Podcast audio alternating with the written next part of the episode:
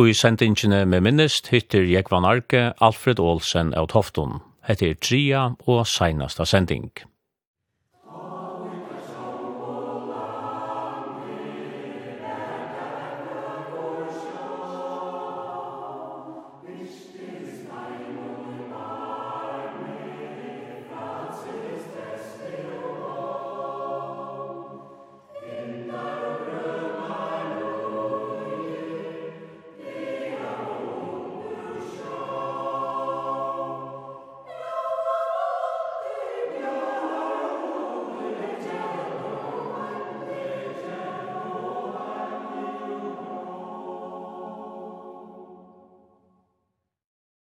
Alfred, tid hava sujan i 1948 bo i Saltnese. Ja, vi bygde hus i Saltnese. Jeg kom sjálfur av Tofton, og konan kom i Sjaltafire, så vi bygde okkara hus i Rautsjene i Saltnese. Og her har vi så bo sujan. Det er et prakkfullt sted bygg i Rautsjene. Et fersland som er innan Skadafjörn, lukka som gonger i tjøkken tjøkken tjøkken Jo, det er, det er virkelig godt, og, og forholdsvis det godt, så det er godt, jo. Hvordan er hus man har vært i Saltnes i dag? Jeg vet ikke akkurat hvordan er hus er, men det har sagt at vi nå er en 150 folk som bygger. Og i Saltnes, og det har vært bygd nok så reglelig, altså. Det kommer flere og flere hus. Rødkjen er en bygd som er vaksen nok så nek hvis det søgnes åren. Fra søgnes og opp til 2012. Så det er vært et, et øke som er vært i menning, akkurat som så nek andre øker i Neskommun. Så ta vid våre, ung og finge bøten, så var det nek bøten i røkene. Så var det en tog, er det ikke vår nek bøten, men tog bedre kunne vi si i det, at det ble flere og flere bøten i røkene. Og det er virkelig godt. Ellers er Saltnes ikke noe særlig gammel bygd. Hun er en nysette bygd av Tofton, Fyrsta nyrsøyde falskene var 31. mai i 1800 Og teg var Ola Kristian Johansen, at det var han ur Norra stov av Tofton, og så enker Ann som var slekta av Oi. Døtte Knut Norman, Knut Ellingsgård og Øye. Tei sette seg nyer i Saltnesi i 1836. Det er Nasto som sette seg nyer det var Johans Petersen, gamle læreren i Saltnese, som sette seg nyer i skola. Og i 1804, hans her kona var atta av Fotna ut i Anes. Susanna kallet sånn, og var utan ur Fotna Anes. Til trio, nyhedsfalskene i Saltnese, det var Andreas Hansen. Han var atta av ur tunne av Tofton, og så Elsebeth Øregård, som var slekte ur kolvhusen av glivron, og de sette seg nyer av røyketje. Så det var tøyre trutje bøylingene, i skolen, av gråastøyne og av røyketje. Så kan man gå si at, at bygden er forholdsvis ung, og ligger ikke så øyla lengt fra toften, men eh, jeg pleier å si at eh, selv om bygden er ung, forholdsvis ung, så er det så at eh, tver øyla viktigar vøkker, da vi tåsa om fyrja søvå, her var stegi i Saltnes. Og den fyrra som jeg vil nevna til er skolaskaperen. Gamle lærer Johannes Petersen var den første føringeren som fikk seg utbygging som folkaskolelærer. Han var slekta ur Klaksvik, norrønne Klaksvik, og sette seg nyer i Saltnesi og undervuste. Tai han hei undervust og natui, var det såleis at kyrkjan ut i Anes, hun ble nytids den gamla, i 1843, og viren av kyrkjene ble ført inn i Saltnes. Og her ble den som bygd om til å være en skole, en skolastova, og så uibo til læreren. Det var så at den norra pastoren av skolehusen var skolastova, og den sunnare pastoren var uibo tja læreren. Det er en måte som man har brukt i fargen, lykka nesten opp til akkurat det er. At eh, læreren bor og underviste i samme bygning. Det er alltid er en nok så gode måte, men eh, det er også brøtt vi til at nå har myndelagene ikke tvinga i til at syrja fyrir at lærerne har uipo. Det er det ta. Så ta i gamle skolen av Hofton ble tidsen bruk i 1800 og 95, her som kommunskrifta nu er, og gamla lærerinda var lærere. Ta var det på samme måte. Den norrere pastren, det var skolastova, og gamla lærerinda boe, og det sunnare helminsen. Tog halte jeg at skola skaperen, folkaskolen i fargen, er nær knutter at det som byrja i i Saltnesi. Skolen i Saltnesi blei vuktor 7. januar i 1800 og fem og fjøret. Og sånn er det. Og så var det her fire alt økje. Det var glivron, astronton, lampa, tofton og nes. Han hei ødel bøttene ut i økjene i skola i Saltnes. Og så blei det brått. Strender helt av er forferdelig, det flytta bøttene tvers om fjøren og sånt. Så det blei brått. Men han underviste så og i sin her bygden som eh, folkaskolan lærer, obekväm. Det var en annan som var obekväm lärare i det förra om det, om det här og heldig att han kallade för Lutsen, underviste i skolan i havn. Men han var danskare, men jeg hade det var Torborg som hette obekväm, om det här. Hine vøkkan som jeg ble snakka om, det er av gråstein, og det er vi vissjande gjerrarsporene under forrige. Det viser seg at Tøy og Ola Kristian Johansen sett seg nyer av Grovastøyen i Saltnese, så hever han åkt i hoan til å få trø. Få seg en trø. Og man kan si at han er så framlegur at han søker om å få henne som han har arva feste trø. Og det kommer av tog at han helder at det er skoft, at han skal diska en trø opp ur heia, nøylende, og så tar han døyr, så skal henta her trøyen fettla etter til bøndene. Han helder at etterkommer til seg skulle få rett til trønna, som han vil diska opp. Det var ongen, kvarse prester, eller bøndser, eller oknarmenn, som ville gjort henne etter. Atter satt og korsta nøy. Det er nok så interessant at hitje etter tog brava skifte som er, til ta i forhold holdt vi gråsansjusene, så ber jeg Rujtjes arkivet i København om sjæleinnlitt. Og så fikk jeg 108 trus a trui håndskriva jeg sjøl, nettopp om dette her. Vi kunne godt omtrast i vår rette, og i det har vi trobløyga vi gong til hei og såret.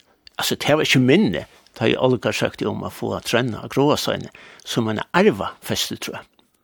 Etter her vi en arva festetrø, er ikke nekka som jeg finner på, men det framgångur i en skrive som Lundal, foten, skriver til Amtmannen den 25. april i 1843. Her sier han at Olgar er tar fyrstu i fyrjun som har søkt om å få arva festetreier. Så det er et skrivligt, eller sjæla fast, at det er tar fyrstu i fyrjun som bygger om det. Olgar han fær så uh, vidat til at og pløyen, han søkje lunsje fløyre år, og så får han vite fra pløyen er at alle har sagt noe. Men så stendet det i skriven om det sier han av meg i 1845, som pløyen skriver til kong, så sier han at jeg har sagt vi Olgar, at han vil nokta over trønna av Gråastein, som en arvafeste trøy. Men han vil gjerne sleppa at hosa vi kong personlig. Og her sier pløyen amtmæren at kongen kan godt takke i møtrolkar. Han er en høyelig mæver, han tog seg først og dangst, og er hampelig på alle måter, så han kan frutt takke i møtron. Nu var det såleis at pløyen og olkar, det var slett ikke avkjent, tog at ta i olkar giftest den 31. mai i 1800 og 1830, så er det gade resten som fyran, men så har han forlovarer. Og den ene forlovaren, det er Kristian Pløyen, det har han fot, han blant alt med å samme år, og han som kallar jeg fyrir Grips, han er landslakne i farsjon, om det er mot. Så det var fornemme fyrar som var forlovare i kjaldar.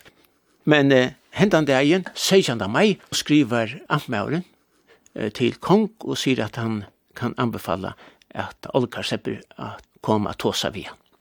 Samme det, så skriver Lundal foten og et pass til altar. Så den dagen så får han bor handelskipet her i havn av ved til København. Og det gjør han så. Han får bore skipet og så får han ta til København. Og han kommer så til København 5. juni i 1845. Og da han så kommer, nå er det så avheldet at Kristian 8. som var konkert han, Kristian VIII var ikke langt konkur i Danmark, han var fra 3. desember i 1823 til 20. januar i 1848. Det er sånn til honom så kommer vi grunnlovene 5. juni i 1924. Ta han kommer her så er han ferdig i ferie, og han er ute av Bernstrømslottet, ute i Gentoft. Og Algar han var kommet av Kong, så han får øysene ut til Bernstrømslott, ute i Gentoft. Og her kommer det så den 5. juni i 1845. Og han er kommet i fyrjon og ferdagstagene, godt og vel fyrstan det er. Ta holkar, så som jeg nevnte, etter holkar danska, er en kjempe av en mann. Vi får bøylet av noen, skriva at han er reihertur, og han er rettskjegg, og han er bæge sujar og staurar ekna brøyr, Og så tar han kjemer inn til kong. 5. juni 1845. Så hygger Kristian den 8. på han. Og så leter hun gjennom. Jeg tror at Gud har skapt deg i sin vrede. Så han ikke ser noe, noe særlig ut. Og så hygger Olkar på Kristian 8. Og så sier han, og vi to, vi er skapt i samme bilde. Og så siterer han første Mosebok, kapittel 8, vers 31, at da Gud så alt som han hadde skapt. Så sa han, alt var såre godt. Det var skulle Kristian 8. klappene her han sier, det var godt svaret. Nå, så er det komlega som at ta seg sammen, og så sier Kristian 8. Du har skriva til mun og bygge om en trø, som en arvefeste trø, av gråstein i Saltnes.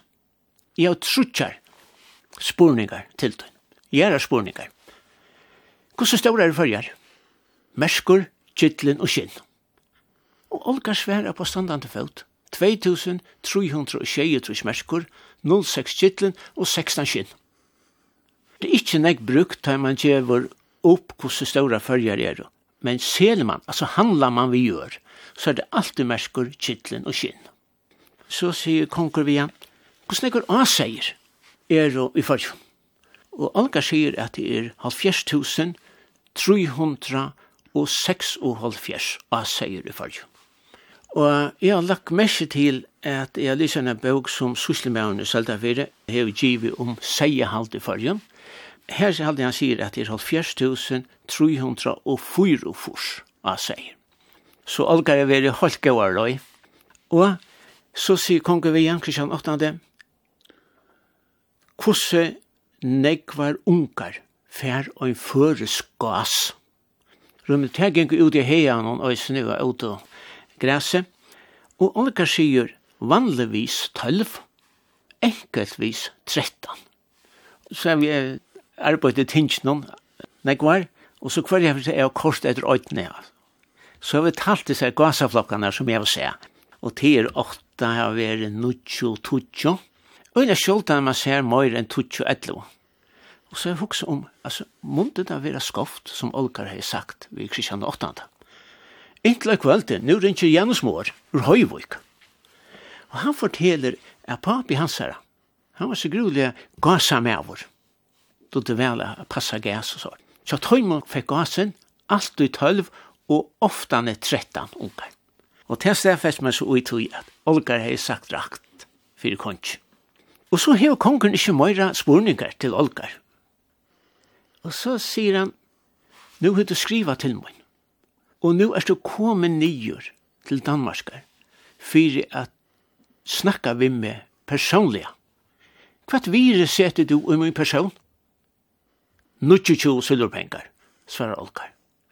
Og ta skulde Kristian Åttan sier, det var ikke meget.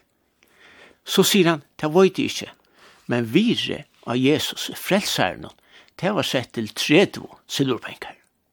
Så alltså Olga var en som kunde svära för seg, alltså ordentlig. Men han är kommen ur, ur färgen, ut av Bernstadslottet, og så tar jeg i til livet vi kjenner selv, så vil jeg sette til bors, og han er derfor stedet. Og til en svinninger som røysene vi i ferdelandet, enn av deg, og Ta i tøy så å sette seg til bors, så kommer tænarvis ned flotta fætene. Og Olga, han sitter ved enden av båren. Ta i han så fær etter fæte, så fær han seg oppe i talesken, og ta han i gjørst det, så røyser han seg opp. Og så sier han, dypp til bonn, og blanke vann, jeg sender skoten til neste mann. Og så retter han fæte til sujemannen. Og ta i hine som sitter ved båret, så ikke det at det snir olgar. Altså, han er nekka for seg. Så spyr jeg til en annan seg spyr han til, hev du nekran til syte så blett, og etter så gaua mæt som du gjerst her i dag. Det er bare så slått det. Ja, sier olgar. Og så sver han av danskon. På min måter skøt, satt jeg blødere, og ved min måters brust smakte maten sødere. Og jeg halte det er så pent sagt om mammena, at det kan ikke sies betre. Hva sted i høver er betre enn møverfengje, ikke. Så spyr jeg der, en annan spyr han så, eh, hevde jo nekran tog, siti og ete døvra. Eller siti og ete, og så haft det sier utsiktna som du hever. Og det var bensinslottet akkurat gjørst nye stand, i 1834 var det livet. Og det var kvolvi og alt det her, vi ønklon og sjøtnon og godle og alt det her. Så sier Olga ja. Da jeg har vært ute og finner meg a koka, og jeg har vært tre båten inn i neste, og så kommer nye mot husen og kona kommer i møte meg vid trånen, døvranen, og så setter hun seg gottene, og setter tråd i knøyen, så sier, så får jeg løyve til at eta døvran ur trånen, og suttja kona, og så skala fjøren pura åpna fyrir meg, til en nekk vekrare sjøen enn henne som vi suttja i det. Og han kunde sværa fyrir seg, og dutte øysene a sværa fyrir seg. Han hefur sikkert gjørst et veldig inntrykk oppa kong. Så det er Olga er steg etter, 5. juni og i 1845, så setter kongen seg nyer Og så skriver han et brev til rentekammare, som sverre til Futsjamalerøy i det. Og så sier på given for anledning, og så holdt stort, gjev han ordra til rentekammare at han skulle utbetala Ola Christian Johansen, Saltnes på Østerve, Færverne, en gave oppa trus rysdaler. Så Olkar, han fikk bæge trønna, og han fikk øysene trus rujkjøstaler som man skulle bruka til å gjøre gæren rundan om trønna. Her er trett, og som er aldri er utrolig viktig å øyne sige, det er at ta i så rente kamere, skriva til pløyen, 12. juli, så en måned 18. og i 1845, så sier rentekammeret at her etter skulle bøndrer og prester ikkje få løyve til å nokta mannen a få treier. Og det skulle setas i festebrøvene tja dem. Og det skriver han så til pløyen. Og så at han tandegjen er at det bare er godsadministrasjonen som kan bestemma hvor skal få treier og hvor ikke skal. Og at han tandegjen og årene fram etter får vi 30 og nye sette bygder i forkjønn. Og det er tog at nå er det pløyen som kjer her havn, amtmauren, hvor fer treier. Og en av dem bygd noen som finko, det er okna leise menn, som finko treier i fargen, og en av dem bygd noen som ligger bant i havna, det var kvittanes. Det var en okna leise med over kinn og lampa, og en trutjer ur kottafyrir. Finko løyve til å sette seg nyer, da finko treier, og jeg kan ta i til å få treier. Nu nu er jeg der gjør, Og det vi fører seg til er at de få løyve til å skiftast. Og tog vekser folketallet i forrige fra cirka 5.000 opp i godt 6.000 og jeg sier 40 årene frametter. Tog jeg mennene fikk løyve til å sette seg nyer og at det giftast og få bøtt. Til det åtte arva festetreier, sinner den eldste han arva i trønda. Og et annet som jeg alltid er øyelig viktig som øyne kom bort ur i seg vidkjennene, til et her at i 1924 så kommer grunnloven. Og i 1924 er veien til folketinget i Danmark, og i halvtrus, og han hundra og halvtrus der av, at førja skulle øyne få ombo i folketinget. Så 1. juli i 1800 og 1,5 trus, to er fyrsta vele til Falkatingi i fyrju. Og ta er bare åtte velsted i Estrøytene, og til i Skalabotn. Tar som heva vel rett, skulle være 30 år. Man uh, var myndigur til man var 25 år til togene. Men man fikk ikke vel rett til man var 30 Og den dagen er det så leis at det er sommer i fargen, det var av tøymen som bo i fargen, var det 1200 som er det. Det vil si, det var i 30 år, og det som er så interessant i samband noen, det er det at folk har folketinget tar veder en mann, og han som fær flestar etkvøver, til Nils vinter. Jurister, han fær 429 etkvøver. Og så kommer Lomtal, point at han vi 403 mån, og så er det Nalsø som fær 45, og Hase Møller, fær 2,5 trus. Og det er nekre regler som er kaldan, som i alltid er, er nok så pussot, vi til at eh, hvor har oss ikke velrett. Og her har det skje effer som en grunnregler. Det er seg fruetimmer, det er seg konfolk, så er det folkehold, det er ikke løyvet til det her, fattige, fremmede, falenter, fjolser, og forbrytere. Det har du ikke velrett til valgje i 1800 og 1800. Men Olga, han er velrett. Tog han 80 øyne arvafeste, tror jeg, i Saltnes. Og ta var det ikke hemmelig vel. Nei, nei.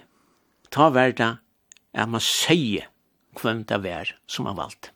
Og i verden, når man øyne tredje, og så gjennom 5,5 til 9,5 her stender om veli inne i skalabotnen. Og her vil det sagt at tøy i vindtøyet ble åpna, og menn skulle fram at vindtøyene at etkva. Så kommer Olgar. Og han rakte seg nyer og så sier vær veljum juristen. Og så sier Snir som er innanfyr, kvann jurist, Nils Vinter. Så for han stytteslig og haparslig fra aftur vintan. Og han som skriver i verden, sier til at han dagen, altså i 1851, legger man merke til tvær personer. Til Jekvann, av Svinavon, som var en vismauer, og Olkar og Saltnes, årsaka av Svinne styrke. Det vil si, alt det som la i mittlen visdom og likamlige styrke, det hørte til det grav og sånne. Angela er merke til døren. Det er bare tøyre på her, vi får høre om våre til vel enn denne dagen. Vi skal skala fyrt. Så det er interessant at en funtur mittelen Olgar og Kristian 8. kom til å ha så store avvirskan av det føreska bygdaløyve etla fyrt han knarleisa i farsjon. Men så kom grunnloven, og så ble han så øyla nekbrøyt. Men oppronen, han er her. Det er alltid at vi ikke skulle gløyma, og det er å være vi i søvne.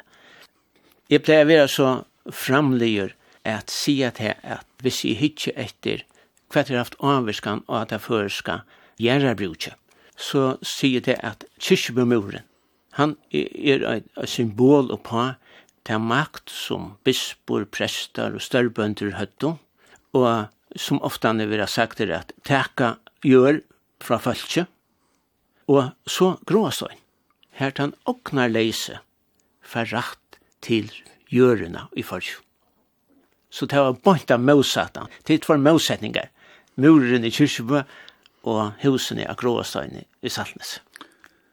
Du har gjort akkur vi til opprunalige husene av Gråastøyne?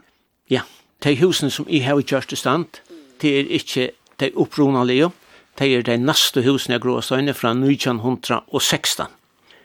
Kjente søvnene, de de väl husene som det är byggt och sett mig för att få dig entrost. Tui värre och köpte husene fra arvingarna etter kommer av gråsteina och det var det Arnda Haraldsen og Tørru Midvaje, og fikk lov til at kjøpe husene, men jeg lova jeg at jeg skulle endrøysa deg så løy som de vår. Og det fikk så lov til, Og jeg helt at det var et gammelt hus, så de skulle bjølvast vi føreskar i Odl. Det gjør det så. Ola Kristian, i Navia, Kiba i Fyri, fikk rønns og Odlena, Belgien, kjørt til bjølvingar tilfær i Sveis, til og så kom han atter til fyrir. Bjølva i deg, vi føreskar i Odl. Og det er veres besta tilfell, ass. For det første er det øyla godt å arbeide vi. Jeg har tvertjukter 25 cm. Godt å arbeide vi. Bjall var utrolig vel.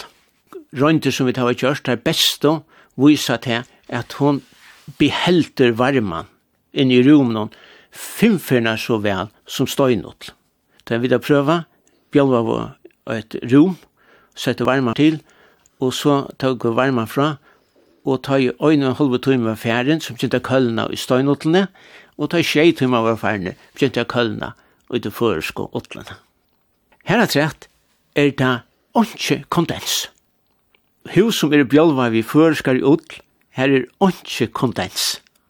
Og det er ofte en problemer vi nøybyggningen i det, at han må heve utluftning, til ellers er det altså det er bedre kondens. Det er så tøyt. Og her er det pleier jeg sier at eh, hvis du skal heve et rom vi til rette jævnen inne, altså romklanskje inne i romnen, så skal det bjølvast vi førskar gjort. Til det gjør vi ikke ekko eller nekka sort. Så gjør vi inn i en rume som vi bjøver vi førskar gjort er perfekt. Gråsensjusene, det er ikke ljøs. Hvis man kom inn i et rum og ble blendt av elektrisk ljøse, det var ikke det, det gamla gråsensjusene, så jeg gjør det til at jeg tok vekkra hånd og sette det i gripen her som sperrene kom ned i bjølken ut i sugenon og setter perer nyer ui vekkrahottene. Så lyser de oppe sperren og gjør så skugganvind oppi i trauren. Rikkar utrolig godt. Og så kommer ljøse nyer i rummen. Stein for jeg må bli blenda av det. Så det rikkar utrolig godt. Ja, det rikkar godt til en gammel hus. Kanskje ikke så godt til en nytt hus. Nei. Hvordan bruker du husene? Ja, jeg brukte det som allmenn mottøkker. Jeg har tjej lista framsynningar Den første var etterkommere av Gråastøyne. Han kalles for Johannes Kristiansen, bedre kjent som Lorvusmaleren, mamma hansara, som giftes ved Sven Kristiansen i Lorvik. Hun var slekta bøgnløys av Gråastøyne. Og tar våre kunstnere, tar menner, så er Daniel, en av døymon, han røste rundt i fargen og vuste filmer. Nekka det samme som vi kjenner at tjeiten røyste rundt i fargen og vuste film. Så er røyste Daniel, Daniel Gråstein, rundt og vuste film. Det filmer bare at det har vi. Og så eh, har vi ellers brukt det til at eh, folk kunne komme. Ta i Neskommun har haft var der, så har vi Marion haft Gråsein som oppe i hus. Så at kunne komme til en morgenmært ta vikene, ta i var der nere der. Og Så er det øysene at hvis folk ikke er kommet, så har vi haft åp i hus, så kunne de bare komme. Det har vi ikke til 24. Vil det bare at de skulle komme, at komme og kjenne gråsvein. Hette er det huset fra 1916, men opprunhuset, det er fra 1823, og det stender nye for veien, og er et grøthus. Og det er det som er atelig at enderøysa det er lukka som, dette her fra 16, det er lukka som for nøyt, det er søvelige, det er huset nyan for vei, og til det her huset høyre så øyne tvei nest. Da er det tvær båter, lersken og delfinen, og det er atle så endrøysa, dette her komplekse. Gamle husene som var leia i gråte, bare gråte, og så er det bare nestene. Jeg har jo boet fra kommunene og landsverk og bygnavarstoven så fra, at jeg atle er endrøysa det, gråstøyn, men tog verre så ble vi stekka over av landsverk. Til det sier at, at huset er for nær landsveien. Selv om landsveien kom jo 1924, men husene kom fra 1830. Så det er ikke husene som kom for nær landsveien, til landsvennen som kom for nær husene, halde jeg. Men eh, vi finner noen av løsene på at det er, det råkner vi. Jeg gjør bare tål. Og du smøyer sjølver? Ja, bare sjølver. Jeg pleier å si at jeg, jeg, jeg do ikke smuja, vi har tutsi tumlar, men eh, hvis man gjør seg tog, helse til, man gjør omkran foil, men så rettar man han, og så fortsetter man. Så det er jo gynnsk. Ja, det er bare gynnsk godt. Olkar, som var slekta av norra Stova, var yngstur av tjej syskjon. Det var bøndhus, og han visste til at han kunde ikkje få gæren. Og tog for han til lampar av er. Om det munte ta er en så gruda fitt kjenta ur fuklafyr, sikka, som er tjena så kjenta i lampa, de blei gå, de for forelskei, og det enda vi til at hon veri vi baden, og øyer øyna kjent. 1. desember i 1822. Hon nevner henne mæren, etter ommene i fuglafyr. Og de atla er giftast. Men så sier myndeløyken at det får det ikke løyve til tog at tid øya unga gjør. Tid øya ikke, og tid kun ikke få løyve til å giftast. Og det kommer av en lov som var galtande, som kom i gildi i fyrjun i 1670, som vanliga gonger under navn om trela loven. Hun sier til at folk som ikke øyer, ikke kunne giftast. Og det som så kan gjerast, vi er til til at Hvis det nu har tantkjønne bønda, eller ikke prester, og i så snegg var, så kan presten sige godt fyrir at de kunne kjiftast. Det er lukka som er det før fyrir at. Og det hendte så ikke Olgari, han elskar Siggo, men fikk ikke loive til å kiftast vi henne, til han unga gjørått. Men så giftst han, og i 1823, vi Inker Ann Knudstater. Og han er 38 år ta, og henne er Inker Ann hon er holdt trus. Så jeg ble å si, av deg at Olgar, han er grua framme for sunna tui. Det kjer til at det får ikke batten. Så skulle man tro at gråstøyne, det dør ut. Men det er ikke. Det er en her mæren, døtteren, Tjasikko, ur Fuglafir. Hun giftes vid Daniel Kristiansen av Skala, og de bosetta seg inn i Skalabotten, eller Skala 4. Og så i 1800 og tjei og holdt trus. Henter ein botsvannlukka i Skalafire og tvår manns dodja. Den andre åndige tøymon er mævren tja mæren. Hon sitter etter vi fyra bøtnon. Trimon kjenton og så øynon drøntjen som kallar for Ola Kristian etter Abbanon i Saltnes. Tui pleier jeg sier til at Olkar han var store kraftige mævren og alt det her, men han er hjersta og rett av sted så han får og adoptera i Abbasonen, Ola Kristian, og han vaks upp tja Abbanon ute av Gråstøyen. Og det han som sujane fører familjen av vujare av Gråstøyen i Saltnes. Og et annet som jeg ofta har tankt på, Olkar, de er vel av sjånen, men eh, vi tøtte en lov i fyrjun fra 1811, så kallas vi Botsbandet jeg vet ikke om det er en bøgnløys lov, men det var en avsetting, at en møyne maver, han kunne ikke ha bort. Han var tvinget til å være sitt angstene av baten og tja preste, etla tja stålbendan. Og så fikk han også sin parste av vojen i sort. Men, men, men det var det, den vanlige maveren kunne ikke ha bort. I halte av botsbandet ble tidsi av i 1800 og tjei og trus, alltid. Alt såret er tog bet og brøyt, og vi lever i en prakkfull land til det. Nu nevnte du læraren som var første folkhøyskolelæreren. Han er en son. Ja, han er nekva siner. Han er fem siner og tjei døtre. Og en søva sier til at ta og i, ta satta kom. Ta skulle svigerpappen ut i fotna ver inne i skolan her inne. Og så leter hun innom atter og en dronkor. Ta mette han ut fra gråten som han hørte. Men ta kom da første jentan, og så kom tjei kjenter at rett. Han best kjente, som ødelig fyrjon kjenna og eisen utanfyr fyrje, til Fryrik Petersen. Prestor og prævstor og folkandringsmæver, løgningsmæver, skald, alt møvligt, altså. Var utrolig donalir. Han vaks opp fyrst inni i skola, i Saltnes. Men han vuste nok så tulja at han hei gaua gaver til imest. Og tog var han også ofte ute i pressagæren. Tja, vi og Hammersheim. Og han og svoner vi og Hammersheim gjør så øyla gauur viner. Var hun nek saman. Det gjør så til at vi og Hammersheim appellera i til gamla læreren Saltnese, er Frur Petersen, han skulde a læra. Så det er en av de kjentast og mest virkno personen som er og fra gamla lærare i Saltnes. Men eh, de var ödle stasfolk og hava veldig stora familjer rundt i fyrju.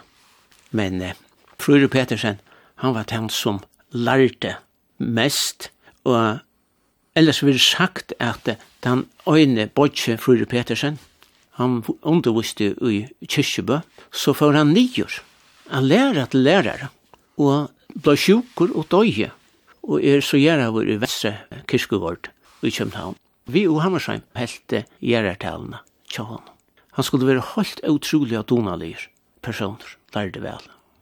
Men Frøyr Petersen, han er nekka fyrir seg, og en søvlig personer i fargen. Du hever reisende omkra søve om teipa i heimskrutsjene. Da man var smadrango så hørte man søver om hvordan det var under kruinen og tog hever togarskoje fra 4 til 45 opptidkje med nokso nekv. Og tog sette meg fire, for noen annen så gjerne, at enterøysa kanona ut i Anes. Hun var nemlig til nye ta i krutje var enta, og ført inn av Toftagjekv. Men ta jeg var kommet av Toftagjekv, så må kontraordre, nu skal hun ikke til Englands atter, hun skal bli verant. Og så ble hun løg som uifytla av Toftagjekv. Og her lå han så i 40 år, inntil hun bare griven opp atur, kjært stand og ført ut atra nes. Men bunkare rundt om henne, han er ikke gjør det sår, så jeg sett meg fire et kjæra til ham. Gjør det så bunkaren, og så søkte jeg i England om å få døylene som hørte til kanonene, men det gav ånds. Jeg fikk ångan lot, men smien her i førjen hava lova, og her er mest vi er over at gjør døyler til kanonene. Kanonene er i til 5 tom, 5 tum tom, som er nekka særligere, som du gjør det i England, og byrjan av 1900. Og, og i det er det bare seks sårige kanoner etter uverene. Tverstand av Ascension Oceanon i Sur-Atlantsjavnon, og innstendur av Kruksmuseum i London, og trutjar er i forrige. Tver av Skansan i havn, og ein i Nes. Tui halde jeg at vi døya værvøyta, jeg ser kanoner, Vi tar hava alt, heltene av dem, ufarg.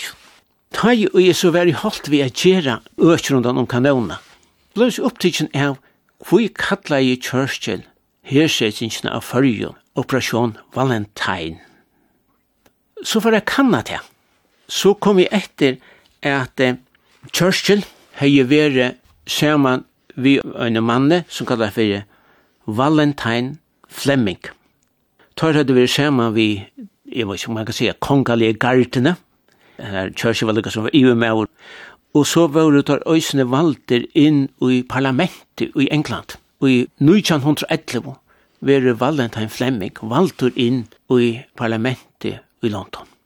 Og tøyre er så starsfela jeg ta, men så bryter fyrir hansbardeg ut, og hvis snir Valentine Fleming, han fer i krutsk, begynner Belgien og enda så i Frankarutsk, den 20. april og i 1916 er det er der barde av tuskar og valentine være rektor og han døys 20. april og i 1916. Den 25. april nu stender ein så øyla gau grøyen og i høvesblænen i England, The Times, og er en endeminning om Valentine Fleming. Og han som er skriva hesa grøyna. Ti er Winston Churchill. Så sa jeg til øysene at hesen Valentine Fleming øyer fyra syner. Den eldste han kallar for Peter, den neste øyder Ian, den tredje øyder Richard, og den fjore kallar for Michael. Hesen her Richard, som er den tredje soneren, om du søytne hønsbærdeia, er han av toftum, og heldig til i fyrjun. Så for å hitje etter, Jo, hissen her, Ian Fleming, er han som har skrivet James Bond-bøkene. Han er sånne Valentine Fleming. Og han sier til at det beste korset eller brevet eller papyri han heie, det var endemenninga til Churchill om papasvinn, det som han er skriva i The Times i 1916. Så har vi Kanada og kommet etter at han i Winston Churchill nevner hersetningene av fyrjon fyrir operasjon Valentine, så er det et vine, starfsfelleia og kollegaen kjassær, Valentine Flemming. Det øyneste som er manglar i å bygge om det, kja sendte man ikke okken i London, om å få det votta fra kruksministeriet i London, at det er så løys, men her til hever det ikke etnast tja mer, jeg finner ikke fært ut. Men jeg håper til at øyne til, så, så er man finst av våtta, at hatt det er vært til, sånt er vært. Men kan en kanningene tja mer vise til at Winston Churchill nevnte hersetisna fyrju etter vinesunnen, Valentine Fleming. Så får jeg si at det er takk for det. Og tja, takk, Egan. Turen ikke.